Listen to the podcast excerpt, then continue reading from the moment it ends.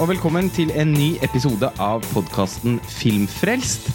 Vi er fortsatt eh, på plass i Cannes og har etter hvert sett mye film, bl.a. Celine Sciammas eh, 'Portrait of a Lady on Fire', som deltar i hovedkonkurransen, og som har mottatt tung eh, anerkjennelse fra kritikere over hele verden. Hvor skal, vi by, altså, hvor skal vi starte samtalen om denne filmen, Benjamin?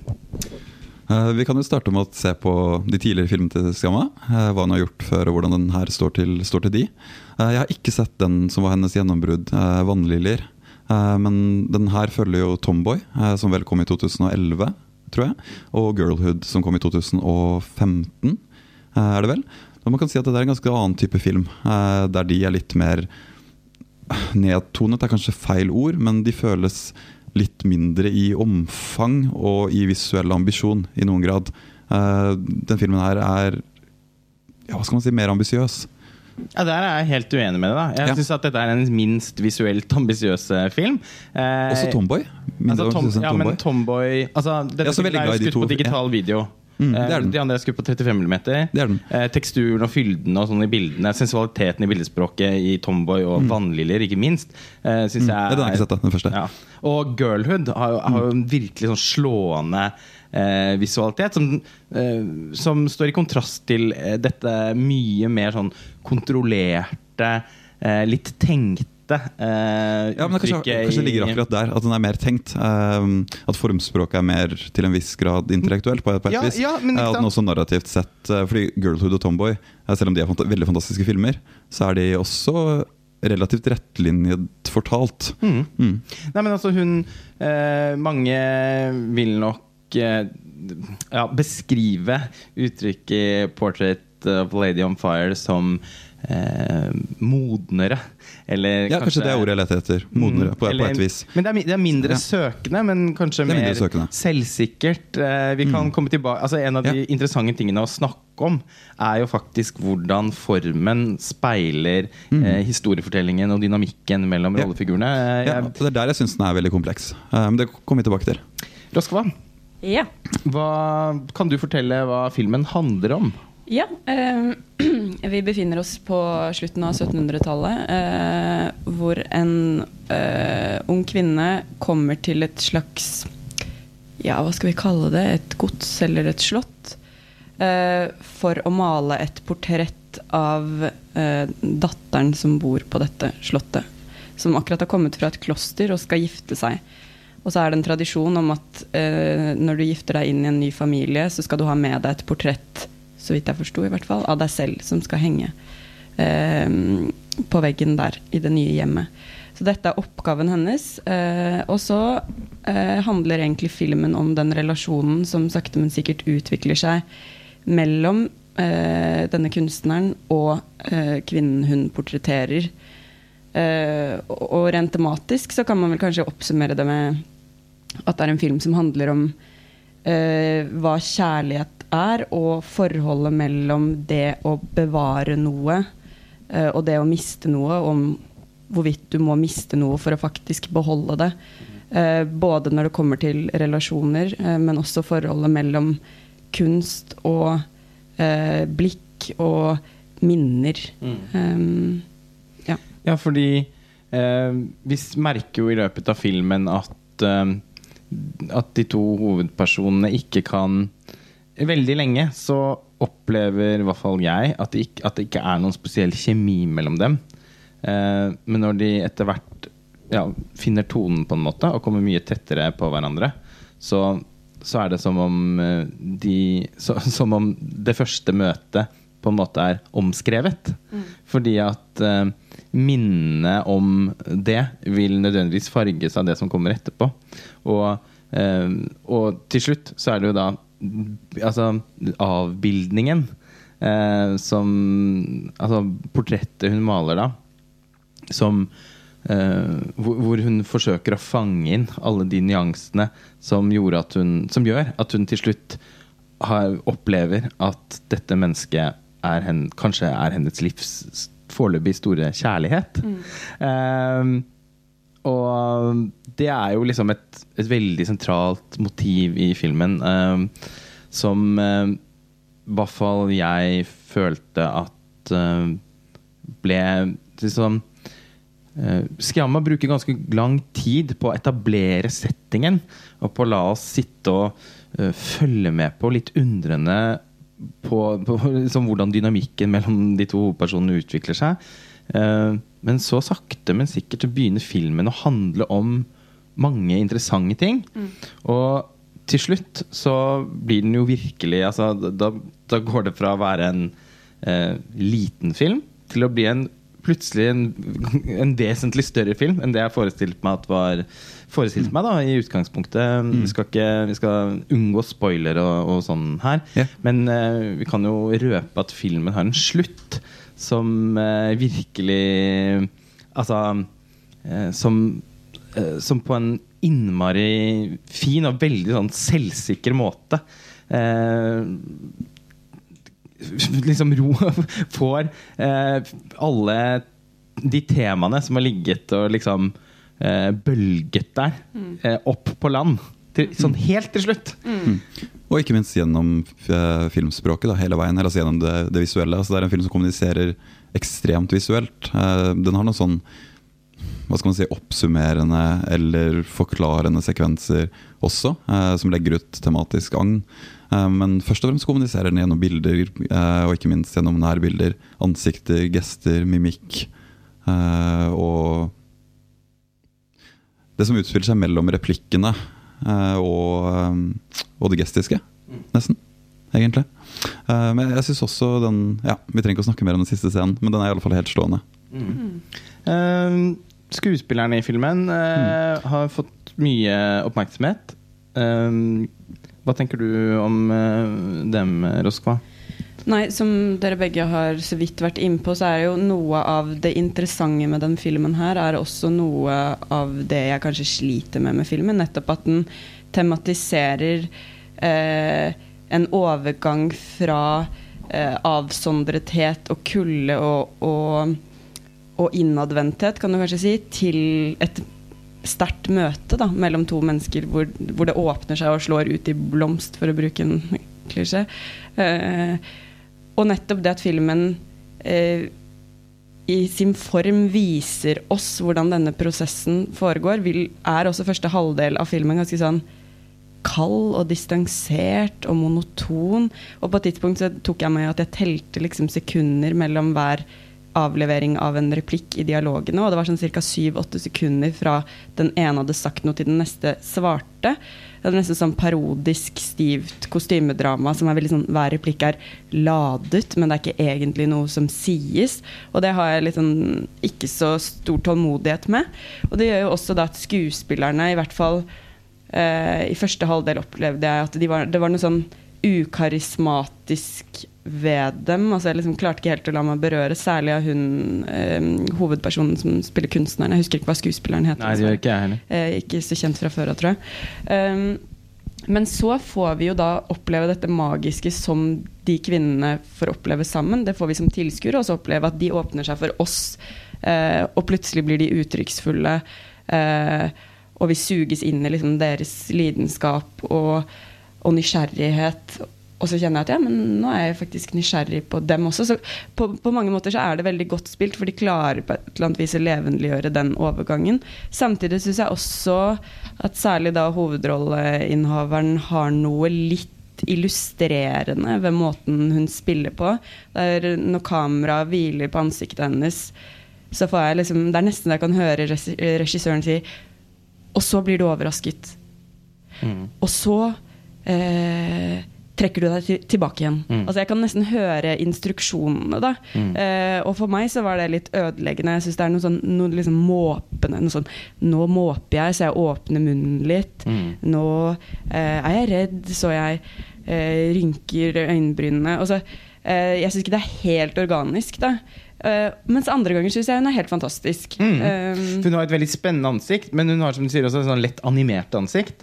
Så hun er uh, lett Altså uh, er, regissøren vil jo kunne anvende henne til å fremkalle noen helt, tydelig, altså noen helt tydelige følelser, en helt tydelig respons, og gjør det òg, i og for seg. Men også hovedsakelig den første halvdelen av filmen, som har noe litt tilstivnet nesten sterilt, eh, eh, litt sånn livredd over seg. Og jeg fikk en litt sånn dårlig følelse en stund, fordi jeg satt og tenkte Eller at liksom Å, Selinski Jamma, hva er det du holder på med nå? Fordi dette her er ikke noe jeg forbinder med deg. Og jeg er veldig glad i Selinski Jamma. Og, og jeg har forbundet filmene hennes med noe veldig sånn porøst og nært, og at man kommer veldig tett på eh, rollefigurene og kroppene deres. Ansikts... Altså sånn eh, berøringer. Eh, og, og så er hun plutselig liksom blitt en eh, sånn tablåfilmskaper. Eh, som nå skyter på digital, livløs digital video. Eh, og jeg bare Åh, nå jeg, jeg satt og håpet at det skulle At det skulle være en eh, tydelig intensjon bak eh, de formgrepene. Og det viste det seg jo å være. Fordi mm. det er jo som om filmspråket myknes opp etter hvert som dynamikken mellom hovedpersonene blir annerledes. Og vi kommer fysisk tettere på dem i takt med at de kommer fysisk tettere på hverandre. Og i den siste halvtimen av filmen er jo eh, bildekomposisjonen helt sånn vidunderlig vakre. Når vi ligger tett på dem eh, i, i sengen eller ute på stranden ved noen fjell... Altså, det er en sånn fantastisk scene hvor de går inn i en sånn grotte på stranden, hvor Zelinskyj har sørget for å, eh, å male tror jeg, noen blå flekker på, på den ene fjellsiden som matcher kjolen hun ene har på. Altså, sånn, plutselig så blir filmen bare så innmari mye mer sensuell og visuelt interessant. Og jeg gleder meg veldig til å til å liksom eh, se hvordan filmen eh, fungerer ved andre gjennomsyn. Fordi da vil jo det skinne tilbake på den første delen av filmen. Absolutt. Mm. Ja, jeg, jeg, jeg er ganske, ganske enig, eh, samtidig som jeg syns at den ekstreme kulden eh, eller kjøligheten eller distansen også innledningsvis Jeg hadde ikke så stort problem med den.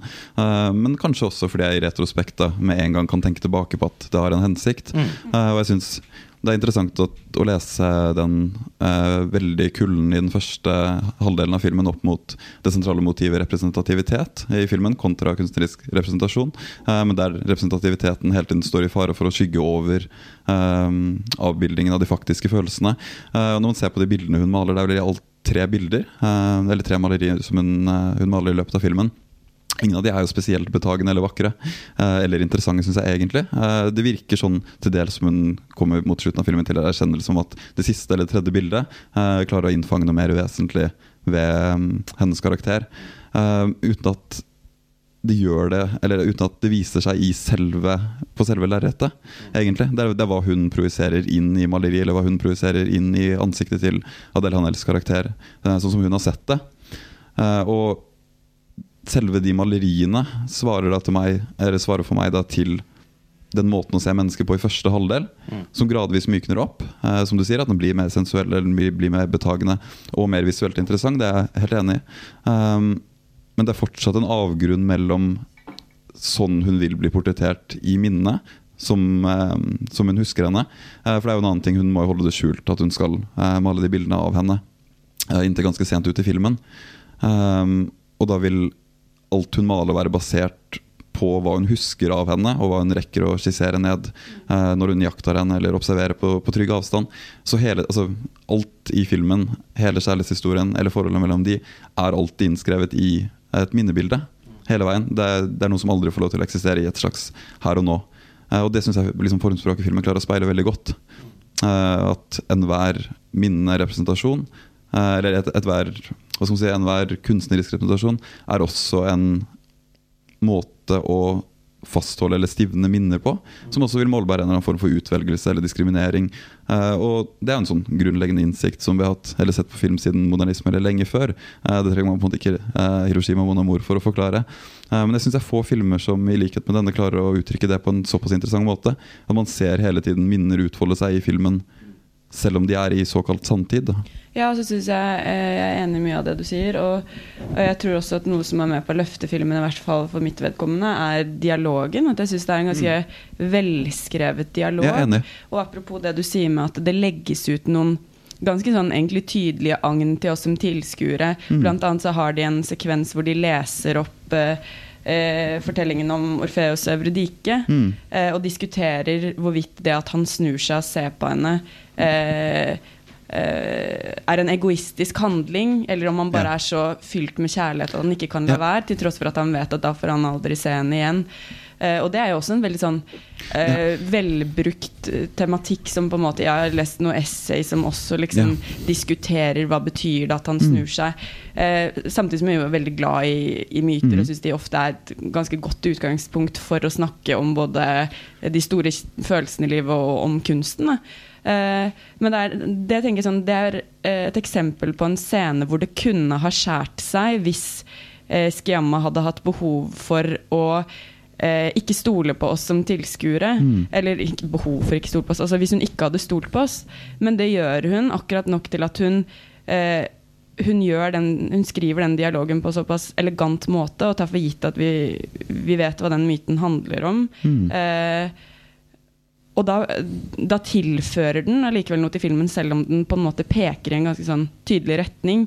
Så, så gir den også filmen en sånn poetisk eh, kvalitet. Da. Ja, men den, den, Og ja, Det interessante med akkurat den, altså den gjenfortellingen av Orfeus-myten, eh, er at hun kunstneren, da, som jeg eh, i likhet med dere ikke husker hva heter, eh, kommenterer at det er ikke sikkert at eh, Orfeus snur seg og ser på henne fordi han er såpass egoistisk at han ikke klarer å la være å ta skjønnheten inn over seg, eh, men at han ser på henne fordi han vet at hun dermed vil få gå, og at det er da et snakk om Poeten og poeten, elskeren. poeten og ikke elskeren. Det er akkurat det hun sier det. Uh, og det kunne kanskje, tenker jeg, i en annen filmskapers blikk, eller i en enklere film, blir tolket veldig én til én. At det, det speiler da eh, forholdet de imellom. eh, at hun nekter å oppgi å se på henne. Ja, men eh, altså, At det skal underbygge en slags sånn trist avskjed, Ja, takk eh, og Ja. lov, Ja, så er jo ikke ikke. det tilfellet, da. Men jeg Nei. ble også Jeg ble i, i, i noen sekunder der litt engstelig. Eh, men, eh, men det er jo Det var jo ikke sånn overhodet. Det var også litt fordi at det var noen jeg hadde snakket med tidligere på dagen, som eh, sammenlignet filmen veldig med 'Call Me By Name'. Ja, det var en merkelig sammenligning. Det var en innmari underlig sammenligning, fordi den eh, Call Me Name i likhet med Altså sånn, den, Jo da, der er det også snakk om et, eh, om et møte og en akutt forelskelse og potensiell kjærlighet som oppstår mellom to mennesker innenfor et begrenset tidsrom, og som må ta slutt. Altså et, et, en relasjon som på en måte er determinert. Da. Eh, og men det er jo en film som, eh, som åpenbart har et helt annet type filmatisk uttrykk, eh, eh, og, som vi, og som vil noe helt annet. Eh, men Relasjonen mellom dem er også veldig annerledes. ja, altså det kan ikke Ja, Som det sagt, Jeg har store problemer med å forstå den sammenligningen. Men eh, som jo tross alt liksom til slutt da eh, også skildrer det vanskelige med å vende seg bort eh, fra noen, og liksom å akseptere eh, det. Og det er klart at akkurat det motivet ser vi eh, mot slutten av eh, A Portrait of a Lady on Fire. Men men, eh, men, men det, er jo ikke, sånn, det er jo ikke det filmen handler om. Og den, eh, altså, den eh, referansen til Orfeus og Eurydike som dukker opp mot slutten her, føles mest av alt som et apropos. Altså en litt sånn eh, en, en, Også fra hennes på en måte Filmen har jo også noe veldig sånn gotisk ved seg. En av de første referansene som dukket opp eh, i mitt hode, var Rebecca, Alfred Hitchcock. Ja, den er helt klar. Eh, og det, det er også en, på en måte en innmari sånn Filmen er jo eh, altså ikke på noen måte sentimental. Den holder veldig igjen eh, før helt til slutt. Men eh, når hun da står og betrakter det bildet av Orfus og Eurydike, og det er en eller annen Det en kritiker eller noe sånt noe som, eh, som har noen litt sånn megetsigende kommentarer, eh, så, så føler jeg også liksom at jeg som tilskuer gjennom kamera inntar hennes blikk på det bildet. Altså Hun fortaper seg noen sekunder der i det motivet og ser seg selv. Eh, for så å ikke ha noen spesielt stor erkjennelse rundt det. Nei, det, er, ja. det er ikke sånn at hun da har et øyeblikk etterpå hvor hun bare «Åh, 'Det der er meg', eller 'det der var oss'. Eh, som jeg i noen sekunder frykta da. Hun Eh, har jo malt det selv, da. Ja, men, men det er ikke altså jeg, Men jeg føler likevel at det liksom ikke eh, Filmen lot i hvert fall skapte i hvert fall ikke det øyeblikket. Og så kan, så, altså sånn, det, det betyr ikke det samme som at hun ikke har, altså tenker på bildet på den måten. Men Skiamma sørger i alle fall for å ikke eh, gjøre det overtydelig. Mm. Ja, og den holder seg, sånn som vi var inne på så vidt, da, veldig fra å romantisere da, Orfeus som poet og ikke Orfeus som elsker. Og det, filmen kunne veldig lett ha tippet over i en sånn nesegrusromantisering av at hun aldri kan få henne, men hun kan likevel representere henne i minner eller i, i bildet. Uh, det syns ikke den går dit heller, at den snarere på en måte viser minnets underside, kunne man ha sagt. Uh, at i idet noe allerede har blitt satt på begrep som erindring, uh, så er det såpass mye som også vil kunne gå tapt av sånn som det i hermetegn egentlig var. Celine Sciamma er jo ikke bare regissør, hun er også manusforfatter. Hun har også skrevet manus til filmer hun ikke har regissert. Og jeg syns man kan merke at hun også liksom er manusforfatter. Eh, fordi, som du var inne på i stad, Rosko, så er eh, Jeg, jeg syns veldig mye av dialogen her var innmari vakkert skrevet. Altså sånn, Den er veldig velskrevet, syns jeg også. Det er så kresne, vakre Mm. ordvalg eh, som lader de ofte ganske ordknappe samtalene med en, altså, Gir de en slags glød, da, særlig utover i filmen, som de ellers ikke ville hatt. Uh, og Adele Hanel er jo en skuespiller som jeg har vært begeistret for i mange år, og som uh, er jo Celine Ammas samboer. Og også mm, hoved, den ene av de to hovedrollene i, hennes, i debutfilmen, da, 'Vannliljer'. Og dette er jo den filmen som på en eller annen måte er mest lik den. Formessig helt annerledes, men eh, den filmen handler jo tross alt også om en, en tiltrekning mellom to ja, her, Ikke to kvinner, men to unge jenter i den filmen, som, eh, eh, som også på en eller annen måte en, en, Det er også da en relasjon som, har, som, som ikke nødvendigvis kan fortsette. Eh, og, og Hanel har jo da ikke vært Altså eh, det ble jo, Vanille ble jo hennes gjennombrudd hun er blitt en av de største skuespillerne i Frankrike. Men har jo da ikke samarbeidet med eh, Sciamma da igjen før nå. Det var veldig eh, det er på en eller annen måte så blir det, det er jo vanskelig å ikke tenke at filmen også på en eller annen måte handler om dem. Altså Sciamma Ja, som maleren, Absolutt. og Hanel som, ja, som den, eh, den som skal portretteres, eller fanges inn. Mm. Jeg har egentlig ikke lyst til å gjøre den lesningen, eh, men hvis man først skal gjøre, gjøre en sånn type, type lesning, så kunne man også sagt at den handler vel så mye om Skamas umulighet, eller det hun erfarer som en umulighet av å representere den hun begjærer i så stor grad. Og det er kanskje der noe av den skjørheten kommer inn. Men igjen, jeg, jeg tror det Jeg vil egentlig ikke gå dit, eller tolke den inn i de, eh, de rammene. For da blir den litt reduktiv. Altså, det er ikke en metafilm om Skiamas forelskelse i Hanel. Eh, Men kanskje det ligger en viss peiling der. Den vil jo i alle fall Altså, jeg vil tro den vil stå igjen som en av de interessante filmene som handler om kunst. Eh, Og, og hvordan vi forholder oss til, til avbildning. Det, altså sånn, det, det er jo der filmen vil plassere seg, tenker jeg. Eh, og um, i så måte så blir det nok også vanskelig for de som skal skrive de essayene etter hvert, å ikke eh, ta med Skiamma Hanel sin private relasjon med i den betraktningen på en eller annen måte. Det er jo gjerne sånn at uh, enten man vil det eller ei, så blir jo gjerne filmskapere, akkurat som forfattere og billedkunstnere, eh, skrevet inn i et mønster eh, basert på mm, privatlivet deres. Så Og den har jo noe litt nøkkelromanaktig over seg i den forstand. Det er jo vanskelig å komme utenom. Ja, og det, så må man jo se hvor, altså, i hvilken retning Skamma beveger seg i sin neste film. Da. Altså, det kan jo, dette er jo et såpass stort Ikke brudd med, det høres så vondt ut, men en, en såpass eh, en såpass annerledes film enn noe hun har gjort tidligere, at det markerer at hun eh, er, er klar for å gå videre. Altså bevege seg i andre retninger. Da. De tre første filmene handler også om unge, alle om unge mennesker. Eh, den, den første om relativt unge tenåringer, den andre om barn. Den tredje girlhood om litt eldre tenåringer. Eh, og hun, jeg husker at hun sa i intervjuer etter den at nå var hun klar for å liksom bevege seg inn i voksenlivet. Hun var litt mett på å lage filmer om unge personer, selv om det hadde vært veldig viktig for henne å gjøre. Ja, og den er jo sånn sett også utgjør den jo et brudd med den veldig klare tematiseringen av uh, identitet. Eh, Ja, og det er ikke som om identitet ikke er et ledemotiv her også, men ikke i samtidig forstand i alle fall. Naturligvis med tanke på at den er satt til langt tidligere. Um, den gjør jo heller ikke u noe ut av det lesbiske forholdet mellom eh, de to kvinnene. Mm. Eh, på samme måte som eh, Tomboy for eksempel, utforsker kjønnsidentitet. Mm. Eller Girlhood utforsker kvinnelig eh, identitet i et urbant Paris. Mm. Og den lekne, litt sånn skjøre, eh, undersøkende eh, Ja, altså estetikken nå, da, er jo virkelig blitt erstattet med noe helt annet som eh, Nei, altså jeg tenker at dette blir en film som det skal bli spennende å se igjen. Den har fått innmari god mottakelse her nede. Har du noe mer du har lyst til å si, Roskva, før vi runder av? Eh, jeg er veldig dårlig på de bestillingene. Da er det sånn, hva skal jeg si?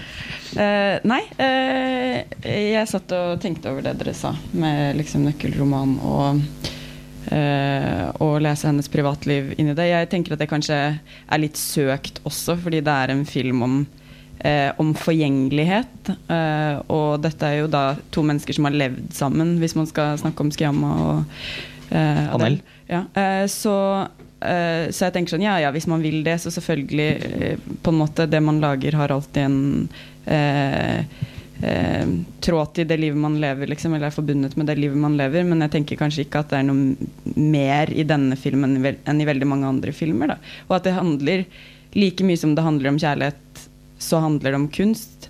Og at eh, eh, Litt som du er inne på, Benjamin, med at det ikke kanskje først og fremst handler om identitet. Så tenker jeg altså Disse menneskene som vises fram, og heller ikke gjør, gjøres aldri egentlig veldig interessante heller for oss. Det er en veldig sånn type vanlig kjærlighet.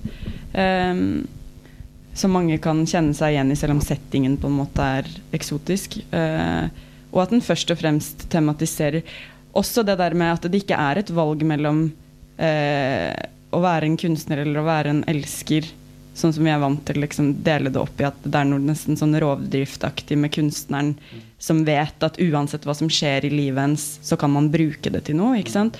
Jeg var på en samtale med Judith Herman, forfatteren, tysk forfatteren, for noen uker siden. eh, hvor hun sa det at da hun hadde skrevet sin første bok, så hadde hun inngått en slags, slags eh, faustisk pakt uten å være klar over det selv. Fordi at hun, Før du har skrevet din første bok eller lagd ditt første kunstverk, så tror du at det på en måte det er noe du kan velge å gjøre. Og så forstår du ikke at etter at du har gjort det, så vil du tenke annerledes. Du vil se annerledes resten av livet ditt. For du vil alltid lete etter hvordan det kan brukes, og hvordan det kan omformes til en bok, eller i dette tilfellet til et maleri. Da. Um, og jeg føler at denne filmen handler veldig mye om det også, at hun som maler ikke, ikke? Hun har gitt avkall allerede på en måte å møte andre mennesker på. Eh, hun er der for å male denne kvinnen. Hun er der for å se henne og bruke det hun ser. Eh, og allerede der er det en skjevhet i relasjonen med de to som ikke ville oppstått hvis de f.eks. bare var venninner, eller, eh, eller at hun var ansatt på dette godset. Og at det også handler litt om ensomheten i det å være en betrakter. Da. Det handler om utsattheten i å bli betraktet, men det handler vel så mye om ensomheten i å være den som betrakter. Mm. Og jeg syns at et av de vakreste øyeblikkene i filmen er eh, når kunstneren eh, prøver på nytt å portrettere eh, denne kvinnen, og hun sier 'kom bort hit', og så går kunstneren og stiller seg bort der hun står og poserer, og så ser de begge bort på eh, staffeliet, og så sier hun 'ja, du ser meg, men jeg ser også tilbake på deg'. Mm. Eh, og det er på en måte en slags trussel i det. Ikke tro at eh, du er den som observerer. Mm. Du blir også observert. Mm. Men jeg opplever også at det øyeblikket er så utrolig Det er mye lettelse i det. da. Mm. Og jeg tror at, hun, at kunstneren også blir veldig lettet over at hun blir sett. da. Mm. Eh, det er risikabelt, men det er no, en, en lettelse i det å vite at du også lever et utsatt liv. da. At Ja, du ikke den- er trygt på avstand, for det er jo virkelig en, en dødsdom på mange måter. Mm. Eh, for da er du Benjamin og jeg snakket om Gunvor Hofmo her om dagen, og eh, eh, en av hennes titler 'Jeg vil hjem til menneskene', som er en av de vakreste titlene som finnes. Og jeg føler at den rommer akkurat det der. da, Å ville hjem til menneskene, og hva skal det til for å komme hjem til dem? Jo, det er jo på et eller annet vis å være like utsatt Mm. som dem, Mm. på den samme måten som de er. Mm. Um, Uh, og Gunvor Hofmo som var schizofren. Uh, men også selvfølgelig som kunstner. Da, at det er en, en ensomhet i det. I å, å ikke være ute på manesjen på den samme måten.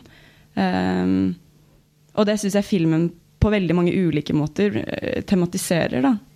Uh, det syns jeg kanskje er det mest spennende med Ja, for ved at hun da også er utsatt uh, Så at hun ikke liksom står bak uh, et skjold eller er bevæpnet på noen som helst måte i møte med den hun skal portrettere eller fange inn, så, så, så, så aksepterer jo også på en måte eh, de to hovedpersonene i filmen at eh, Altså hun, Adele Hanel, sitt blikk tilbake vil også gjøre noe med bildet. Altså sånn, det, er noe de, det, det er noe de lager sammen. Altså hun på en måte Hun er på må Den ene holder hånden som holder penselen, som beveger seg, og velger fargene. Men det dikteres jo hele tiden. Det er jo filmen veldig tydelig på. At det hele tiden blir diktert av hva som oppstår mellom de to. Eh, og det er Og akkurat det må jeg jo si at jeg kan ikke komme på noen film jeg har sett hvor akkurat det er bedre Altså finere skildret. da Ja, og det blir jo en sånn hva skal man si, en gest som forsøker å skape en viss, om ikke likevekt, da, men i det minste en eh, den setter noe av den autoriteten på spill på en interessant måte. Men jeg kom faktisk til å tenke på, jeg vet ikke om det er en litt søkt kobling, men uh, Maurice Pialat sin 'Annonce Amour', uh, som er en helt, uh, helt, helt annen type film. Det er egentlig et sånn coming of age-drama i samme ånd som 'Blå er den varmeste fargen'. Um, den tar da for seg den seksuelle oppvåkningen til en ung kvinne. Uh, og i en av de siste scenene i den filmen, det går vel kanskje greit å røpe akkurat den, det er ikke den vi snakker om her, så er da faren hennes, som er da spilt av Pia selv, altså regissøren, følger henne på, på bussen. hun skal reise til USA, kanskje, kanskje ikke. og det aller siste filmbildet i Annonce Mor er da Piala som ikke veldig sørgmodig og ikke veldig eksplisitt tematiserende ser da datteren sin vandre ut av filmbildet for å muligens dra til USA, eller kanskje ikke. Og i det øyeblikket så har han da gitt som regissør, også som far eh, Den freudianske metaforikken finnes jo selvfølgelig ikke hos Skiamma i like eksplisitt, eh, eksplisitt grad, men han har da gitt henne muligheten til å vandre ut av bildet. Eh, men også gitt henne muligheten til å ikke dra til USA. ikke sant? Så det, hva skal man kalle det, en slags kontingens? da, At hun, hun har mulighet til å fortsatt forbli noe annet enn den hun har blitt representert som gjennom hele filmen. Og Det synes jeg også er noe av det rørende med den, den filmen her. da, sin film, At det er et blikk på karakteren, eller et blikk først og fremst på hun som blir malt, eller hun som blir representert eh, gjennom hele filmen. Eh, som ikke forsøker å bemektige seg henne gjennom psykologi eller gjennom en veldig sanselighet, siden den er såpass kjølig. Eh, til tross for at den åpner seg litt opp etter hvert. Men heller ikke gjennom da maleriene. Hun- men hun, likevel så går den heller ikke dit at den ender opp med at hun blir et enigma eller et mysterium eller noen som aldri kan nås. Den, er veldig balansert eller finstemt akkurat der, syns jeg. At den ikke går, altså den vakler litt. Um, den går aldri i den ene eller andre retningen tematisk. Så den forblir ganske åpen. Benjamin Jastan, Roskva Koritsinski, takk for nå. Vi er straks tilbake med en ny episode fra filmfestivalen i Cannes. Mitt navn er Lars Olvik Kristiansen. Ha det bra. Ha det. Ha det.